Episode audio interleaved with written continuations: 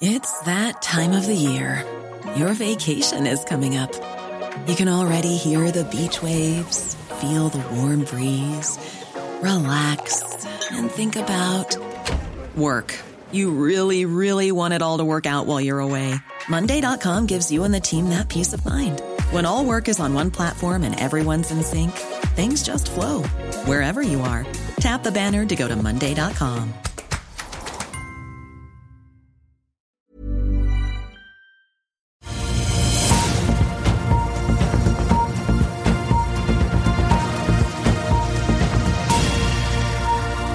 riktig god morgen og velkommen til Børsmorgen her hos oss i Finansavisen denne tirsdagen. Mitt navn er Benedikte Storm Bamvik, og med meg har jeg aksjekommentator Karl Johan Molnes.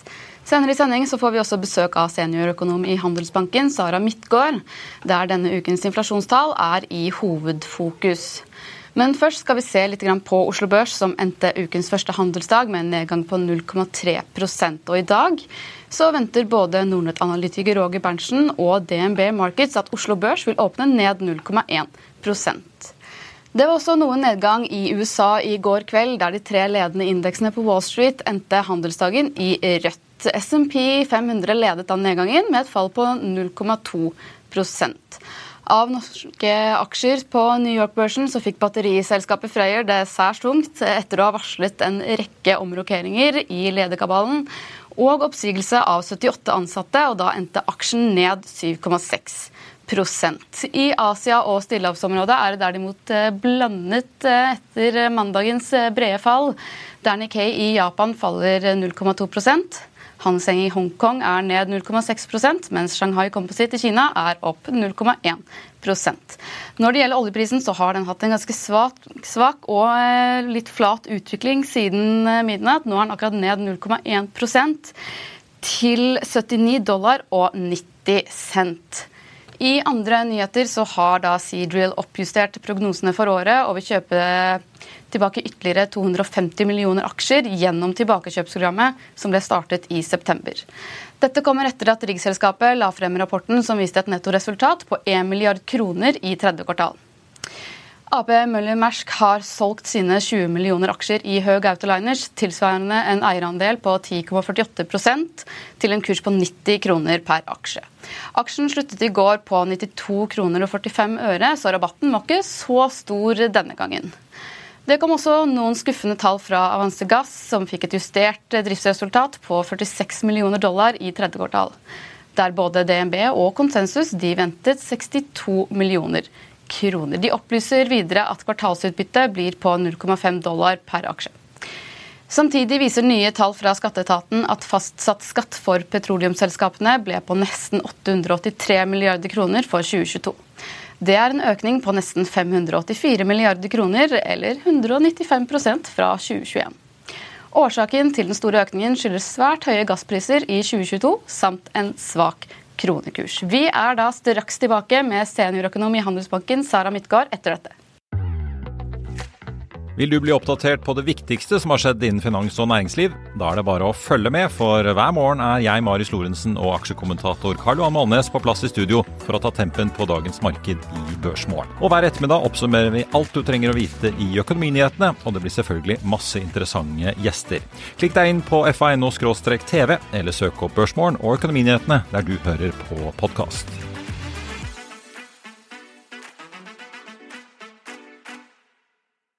I'll see you in court. Vi sier det ofte litt på spøk, men for deg som driver business, er det aldri moro å innse at du ikke har laget en 100% gyldig kontrakt. Du bør ikke risikere hele firmaet ditt fordi du synes dette med kontrakter er litt stress. En avtale er ikke en avtale. Du kan miste kunder, miste venner, ja, til og med miste inntekter om du ikke lager en skikkelig kontrakt, på alt mulig, egentlig. Men vi vet det er et styr kopimaskiner, tregprinter og haugevis av papir. Dessuten stoler vi jo på folk her i landet. Det er ofte litt kleint å skulle be om en signatur for alt mulig, ja, for mye av styret handler også om jakten på underskriften. Det finnes en enkel måte å løse dette på, Dukkobit, en trygg, effektiv og get this, gratis måte å sikre seg en god natts søvn pluss en juridisk bindende avtale. Dukkobit-appen har de strengeste sikkerhetskrav i bunn, samt en EU-godkjent og sertifisert teknologi. Framover vil det bli behagelig å spørre du, skal vi skrive under på det, eller? Kom i gang på dukkobit.no.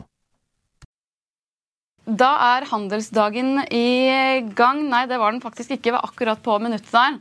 Men da har vi bare rett over til seniorøkonom i Handelsbanken. Sara Midtgaard, tusen takk for at eh, du kommer til oss. Takk selv. Eh, du har jo sagt selv at dette er jo en, eh, det skjer mange ting denne uken her, inkludert litt inflasjonstall fra USA. Det er vel egentlig det som vi har peilet ut som noe av det viktigste, er det ikke det? Jo.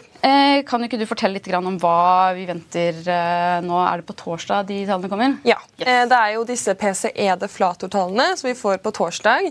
Og det er jo da Fed sin favorittindikator for prisvekst. Um, vi har jo allerede fått noen inflasjonstall fra USA, så vi har en liten sånn pekepinn på hvilken vei dette kommer til å gå.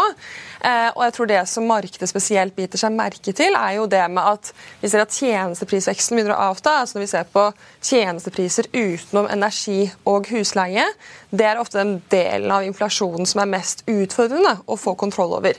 Og det vi så i forrige inflasjonstall fra USA, er jo nettopp at denne superkjernen, altså tjenesteprisene, begynte å avta. Vi så i månedsveksten at prispresset demper seg.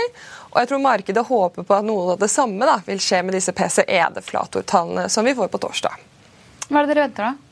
Eh, vi tror at eh, kjerne-PCE kommer inn på 4,5 eh, Det samme som egentlig markedet ser for seg nå, eller 3,5 mener jeg. Så vi venter egentlig det samme som markedet. Og det som man må legge merke til, er jo spesielt månedsveksten.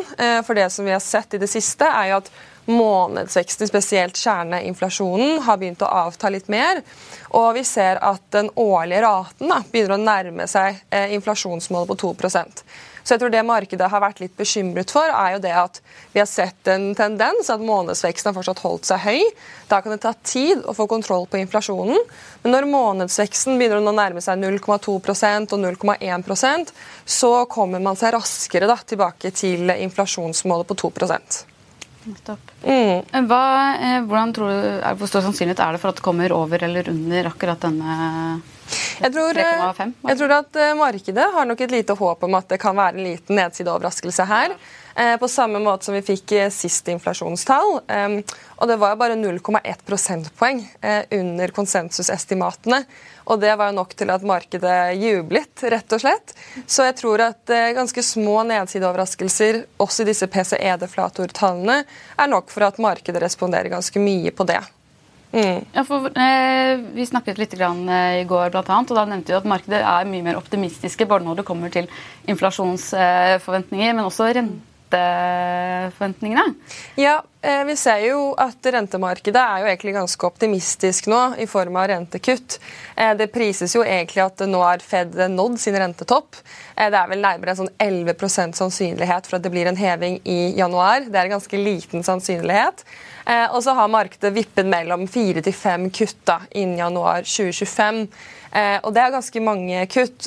Fed selv venter jo rundt tre kutt neste år, så markedet er mer optimistisk enn Fed. Så er det jo det med at når vi kommer ut i neste år, så kan vi igjen få oppsideoverraskelser i inflasjonstallene. Fordi vi ser at ja, inflasjonen avtar, men lønnsveksten er fortsatt høy. Og da vil reallønnsveksten etter hvert skyte mer i fart. Eh, og Det var jo et forhold som bl.a. Lagarde, eh, sentralbanksjefen i eurosonen, advarte mot i går, om at eh, vi kan få nye oppsideoverraskelser i inflasjonen etter hvert, selv om utviklingen så langt har vært veldig positiv. Da med at vi ser at det er på vei eh, mot 2% Så det kan være at eh, markedet er litt vel optimistisk når det kommer til rentekutt neste år. Da. Hva driver denne optimismen? Jeg tror det handler om det med at eh, man har visst, visst, visst veldig lite da, om hvor alle rentetoppen vil være. Og nå har man begynt å se at nå får de til med kontroll på disse superkjerneprisveksten, altså tjenesteprisene utenom husleie. Jeg tror markedet sin bekymring har vært at det vil ta veldig lang tid eh, å få kontroll på spesielt tjenesteprisene. Nå ser vi at tjenesteprisene sakte, men sikkert også kommer mer under kontroll. Eh, og da tror jeg det ble en litt sånn at hele sentimentet endret seg litt, da, med at dette her går i riktig retning. Eh, det kan hende at de fort får kontroll på inflasjonen. For i utgangspunktet var nok det veldig uvisst hvor lang tid vil det ta å få kontroll på tjenesteprisene, da, som ofte er mest sticky, altså holder seg mest stabil da, vanligvis. Mm. Hva tenker du, Kalle? Nei, altså, I går så kom jo det tall på medianpris i USA på hus falt med 18 mm. Kan du si noe om hvordan husleier og sånn er kalkulert inn i konsumprisen, og hvordan, hva de gjør for å stabilisere sånne tall, og hvorfor at de ikke slår ut med en gang? Mm. Det er jo veldig stor lag i leieprisene i den konsumprisindeksen i USA. og Grunnen til at de ofte tar å ekskludere leieprisen når de ser på tjenesteprisene, er egentlig fordi at man har andre indikatorer på husleiepriser i, USA som er mer sånn oppdatert da, enn den indeksen som er i KPI. da, når vi ser på husleieprisindekser. Så den, den, har et etterslep på veldig mange måneder. Og hvis vi ser på KPI-husleieprisindeksen målt mot andre relative andre indekser, så ser man jo at altså, veksten da, i husleiene er i ferd med å avta, eller avtatt ganske mye. Så det er egentlig ventet at det samme vil skje i husleieindeksen, i KPI-indeksen i USA. Og det er, nok derfor de ekskluderer ofte den da, når de ser på superkjernen, altså tjenestepriser utenom husleie og energipriser. Rett og slett fordi vi allerede vet med andre indikatorer hvor husleieprisene skal da, i USA. Så det er et betydelig etterslep i den KPI-indeksen når vi ser på husleier, egentlig. Mm. Vi får jo også sånn eh, PC-tall fra eurosonen, gjør vi ikke det også? Ja, inflasjonstall fra ja. eurosonen. Det er de vi kaller for flash eh. Og det er et slags estimat for novemberinflasjonen i eurosonen. Um, og Det er også ventet å avta videre. At vi vil se at bl.a. kjerneprisveksten i eurosonen er på 3,9% så vi ser at uh, det går virkelig riktig retning. Uh, og det har jo også da ECB påpekt også, at eh, inflasjonen har avtatt ganske raskt i eurosonen. Samtidig som at vekstutsiktene er betydelig svakere nå. Vi ser bl.a. i disse PMI-tallene fra eurosonen at det er mye svakere vekstutsikter fremover. Så markedet venter jo egentlig på kutt i eurosonen. Det er der stemningen ligger. Eh, og det prises Det er en overveid sannsynlighet da, for at første kutt kommer så tidlig som i april. Eh, så det er ikke så veldig lenge til faktisk at markedet håper på kutt i eurosonen. Nettopp. Så mm. de er litt mer optimistiske der da, og ser mer tidligere kutt i ja. eurosonen enn det de gjør ellers i mm. USA. Hva med her eh, hjemme? Her hjemme så eh, er markedet veldig mye mer optimistisk enn Norges Bank. hvert fall. Ja. Men vi ser at eh, markedsprisingen har endret seg i det siste. Eh, etter vi fikk dette inflasjonstallet for oktober, som igjen var litt over konsensusestimatene, så skjøt markedsprisingen litt fart. Og da prises det var nærmere 70% sannsynlighet for en heving i desember. Men nå har markedssannsynlighetene falt igjen, og nå er det litt sånn på vippepinnen eh, om det blir en heving i desember eller ei. Um, så man ser jo også at kronekursen har jo styrka seg litt mer i forhold til det Norges Bank eh, så for seg da, tilbake i september. Eh, det har vært eh, en periode nå hvor kronekursen har vært nesten 5% svakere enn det Norges Bank har lagt til grunn. Nå er den 3,5% svakere. Ehm, så jeg tror på en måte lys av det og internasjonale styringsrenteforventninger, så har også markedet sett litt mer at det er 50-50 sjanse da, for om Norges Bank faktisk hever i desember eller ei. da. Mm. Tror du en heving i desember kommer på å styrke kronekursen? Ja, på kort sikt så tror vi nok det. Men som Norges Bank også har vært inne på selv, så ser de ofte at den eh, kroneeffekten av renteendringer er ganske kortvarig. Eh, så den dør jo litt ut etter hvert. Men jeg tror et poeng for Norges Bank nå det er å finne hvilket rentenivå er altså innstrammende nok, slik at inflasjonen kommer seg ned på 2% på sikt. da. Og, Det er nettopp det som Lagardius i eurosonen også har påpekt. at nå er de på et rentenivå som er innstrømmende nok, at man får inflasjonen ned på sikt. Men jeg tror at Norges Bank er nok litt mer usikker om man har nådd dette rentenivået helt ennå. Eh, rett og slett fordi vi ser at kostnadspresset er fortsatt stort i norsk økonomi. Vi fikk jo nasjonalregnskapstall forrige uke for BNP for tredje kvartal, som viste at prisveksten i verdiskapningen da, er nærmere 9% altså i tredje kvartal i år mot tredje kvartal i fjor. Da. Så det er fortsatt et betydelig prispress i norsk økonomi som jeg tror bekymrer Norges Bank. da. Hvor tror sannsynlighet tror Handelsbanken at det blir renteheving i desember? Altså, Vi tror jo over 50% for vi har jo en hovedforventning om at det blir en heving i desember. Men man må anerkjenne at det er litt på vippepinnen. Det er ikke helt klinkende klart hva Norges Bank faktisk kommer til å gjøre. Og jeg tror en veldig viktig eh, puslespillbrikke da, oppi det hele er regionalt nettverk som vi får neste torsdag. Eh, da vil vi få, Det er en undersøkelse fra Norges Bank hvor bedrifter svarer hvordan de ser på vekstutsikter, prispress. Eh, og det vil være en viktig siste puslespillbrikke da, med inflasjonstallene for november, om de hever da, eller ikke. Mm. Hva slags økonomi er vi nå? Er vi en slags krigsøkonomi der at vi bruker alle ressursene og at arbeidsledigheten ikke går ned, eller, eller går vi og venter på at arbeidsledigheten skal stige? Hvordan ser dere på det? Eh, vi får jo arbeidsledighetstall på fredag fra Nav. Og vi tror at den sesongjusterte arbeidsledigheten vil stige fra 1,9% til 2% Så det vi nå ser, det er jo at det er færre bedrifter som sliter i like stor grad med å få tak i arbeidskraft nå som det som det var tidligere. Før var det enda flere bedrifter som sleit med å finne den kompetansen som de trenger. Eh, og så ser vi at sysselsettingsveksten har begynt å flate ut. Eh, og det så vi bl.a. i nasjonalregnskapstallene fra forrige uke.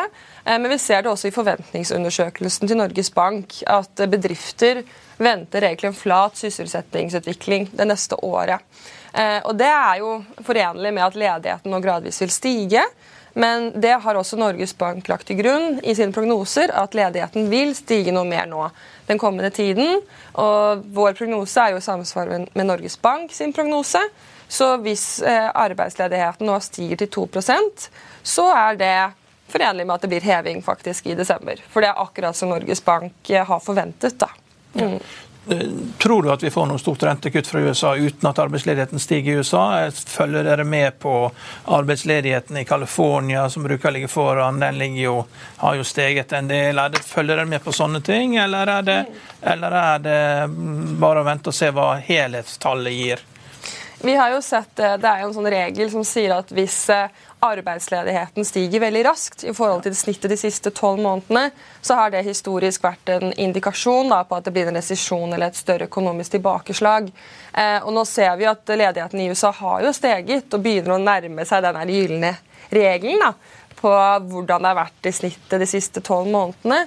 Men samtidig så tror ikke vi at det blir noen sånn resesjon i USA i form av at arbeidsledigheten stiger til et unormalt høyt nivå, eller at, man, at det blir en faktisk ikke teknisk resesjon, men en overordnet resesjon, som er en litt mer komplisert definisjon. Da. Så um, man vil nok vente at ledighet vil stige mer i USA også, men ikke til et over unormalt høyt nivå. Slik bildet tegnes i dag, er det egentlig en ganske soft landing som er tegnet i USA, og som også Fed venter. Så aktiviteten vil på en måte kjøles ned, men tilbake til sånn trendnivå. Ledigheten vil nok stige, men tilbake til det som er sånn helt normalt arbeidsledighetsnivå i USA. da. Men vi har jo en uforløst situasjon. altså De problemene som var i bankvesenet i mars, det er jo en ting, det er jo et første kvartal. Det begynner jo å nærme oss ordskiftet, og da må jo revisorene signere med penn på som, hvordan balansene ser ut ved år, årsslutt. Og, eh, den bankkrisen vi har er uforløst, er jo store negative eh, tap i bankenes balanser. Så mm, hvordan kan vi klare å få til det uten å få opp arbeidsledigheten, uten å få en nedgangskonjunktur som gjør at du kan senke renten? For hvis du ikke får opp arbeidsledigheten, så kan jo man ikke senke renten, og da vil man jo få store problemer i bankvesenet. Ja, Det har mange spørsmål ja. på en gang. Vi skal starte med bankvesenet da, og ja. det vi så tilbake i mars. Eh, fordi det, det, er ikke å skyve under en stol at eh, renterisikoen eller det er ikke blitt tatt så veldig høyde for renterisiko da, blant flere amerikanske banker. Eh, men det som da sentralbanken har gjort for å prøve å slukke dette brennende bålet, er jo bl.a. å gi likviditet da, og støtte til bankene, slik at ikke det blir en sånn større finanskrise. Eller en det er utløp i mars neste år. Det, ut, det er ett år. Det, det utløper utløp i mars neste år. Det er ett år. Ja, og da kommer De sikkert, de vil nok ikke at det skal bli Nei. en større finansiell krise enn det det trenger å være. Eh, så det tror jeg nok at sentralbankene kommer til å gjøre tiltak slik at det altså at de demper den situasjonen der, slik som vi så tilbake i mars. Men det som vi ser i USA nå, er jo at produktivitetsveksten tar seg litt mer opp. Og da trenger heller ikke Fed å kjøle den arbeidsmarkedet unødvendig mye. Vanligvis, hvis, altså hvis produktivitetsutviklingen fortsatt var treig, som gjorde at man må ha en lønnsvekst på tretallet som skal være forenlig med en inflasjon på 2% så måtte nok Fed ha kjølt ned arbeidsmarkedet enda mer for å få kontroll på inflasjonen. Men siden vi ser at produktivitetsveksten faktisk tar seg litt opp i USA, så kan de faktisk godta en litt høyere lønnsvekst og litt stramt arbeidsmarked fordi produktiviteten faktisk tar seg litt mer opp. da. Og Da trenger man ikke nødvendigvis å kjøle ned arbeidsmarkedet unødvendig mye for å få kontroll på prisveksten. Og Når det gjelder finansiell stabilitet, er de jo selvfølgelig opptatt av det. og De snakket jo bl.a. om når vi så at uh, tiåringen tok veldig fart, og man så at spesielt risikopremien i amerikanske lange statsrenter økte, så var jo det noe flere Fed-medlemmer snakket om da, har en innstrammende effekt på finansielle forhold og kan være tilsvarende en renteøkning. Så Det er jo noe de ser på, absolutt. Men hvis vi får noen nye Silicon Valley Bank-tilfeller, så vil nok de komme med et støttepakker eller tiltak for å de, de hindre at det, de er gone, blir så det er over. Ja, ja. Ikke sant? Da vil det løses på sin måte, da. Ja. Apropos USA, Powell skal jo holde en tale på fredag, stemmer mm. ikke det? Eh, på Spelman College i Atlanta. Mm. Hva er det vi venter å høre her? Det kan nok hende at han ikke sier så veldig mye nytt enn det han allerede har pleid å indikere, men det vil jo være sånn Q&A-session hvor han får spørsmål. Og markedet følger jo alltid veldig nøye med på hva Powell sier. Eh, og jeg tror markedet nå leter etter signaler på når er det eventuelt det kommer kutt, eller vil de faktisk holde en innstrammende rente veldig lenge. Så det er sånne type signaler som markedet vil være veldig opptatt av. da. Hvor lenge skal faktisk renta holde seg på dette nivået her? og og når kommer eventuelt kutt etter hvert. da. Men slik formuleringene har vært fra spesielt Powell og Lagarde enn så lenge, har jo vært at uh, kutt snakker de ikke om ennå. Det er for tidlig å snakke om kutt. Um, så de pleier ofte å bare skyve det liksom bort. at Kutt har vi ikke tenkt på ennå. og Nå er de bare opptatt av å holde en innstrammende rente så lenge som det er nødvendig. da. Mm. Bare håper på en ordentlig utspørring av Powell på, ja. på fredag der. Ja. Jeg så sønnen til Lagarde tapte alle pengene sine på krypto, så hun er nå på krigsstien ja. forbi krypto. Ja. På tross at hun hadde advart at det, akkurat dette kom til å skje, så jeg penger, penger borte. Ikke sant. Men på fredag så kommer det jo også arbeidsledighetstall. Ja. Nettopp. Eh, hva hva venter dere her, og hvilken betydning eh, har disse tallene som kommer nå på fredag? Nei, De er jo veldig viktige. Eh, vi tror jo at ledigheten som sagt stiger da, til 2 eh, sesongjustert. Som igjen er i tråd med Norges Bank sine forventninger. Men som sagt, hvis, hvis ledigheten skulle stige, stige, veldig veldig raskt i tiden fremover, og mye mer enn det Norges Bank har lagt til grunn, så kan jo det selvfølgelig bidra med at det blir ikke noe heving likevel eh, i Norge. At, det blir, at nå har rentetoppen nådd. Eh, men det skal ganske mye til for at de da ikke hever basert på arbeidsledigheten, fordi de har allerede lagt til grunn at ledigheten skal stige da, i den tiden som kommer fremover nå. Mm. Du sa jo at det var mye mer optimistisk marked her hjemme i Norge. Mm. I USA så venter de rentekutt, eh, eller markedet håper på fire rentekutt i hvert fall neste år. Mm. Fed har kanskje lagt an til tre. Mm. Hva er det her hjemme, da? Nei, Her hjemme så prises det nærmere to-tre kutt, så ikke like mye som i, eh, hos, i USA og i eurosonen. Eh, men det er et poeng om at også markedet forventer at eh, SEB og Fed er først ute, og så kommer Norges Bank etter det. Så Norges Bank vil nok trolig kutte etter de andre internasjonale sentral sentralbankene. Eh, også ved et poeng å få kronekursen litt mer i sitt favør. Eh, nå har jo Norges Bank vært veldig opptatt av valutakurs i det siste, i og med at det har en veldig stor betydning for prisveksten i norsk økonomi. Eh, og at de dermed vil ende opp å kutte til slutt, da, for å prøve å få kronekursen mer i sitt favør. Mm. Dette her blir eh, spennende å følge med på denne uken, Sara. Har du noe du har lyst til å legge til på slutten der? Jeg tror vi har dekket det meste tror vi er good. Eh, tusen takk for at du kom, eh, Sara, seniorøkonom i Handelsbanken.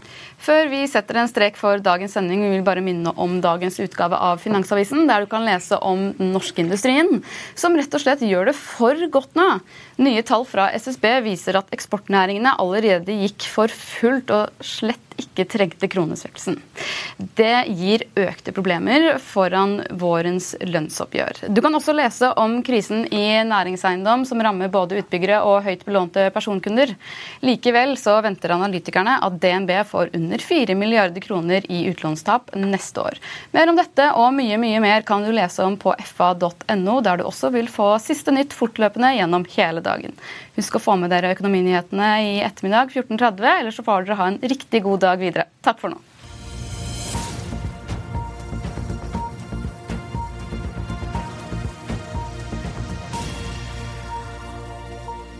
Økonominyhetene er en podkast fra Finansavisen. Programledere er Marius Lorentzen, Stein Ove Haugen og Benedikte Storm Bamvik. Produsenter er Lars Brenden Skram og Bashar Johar. Og ansvarlig redaktør er Trygve Hegnar.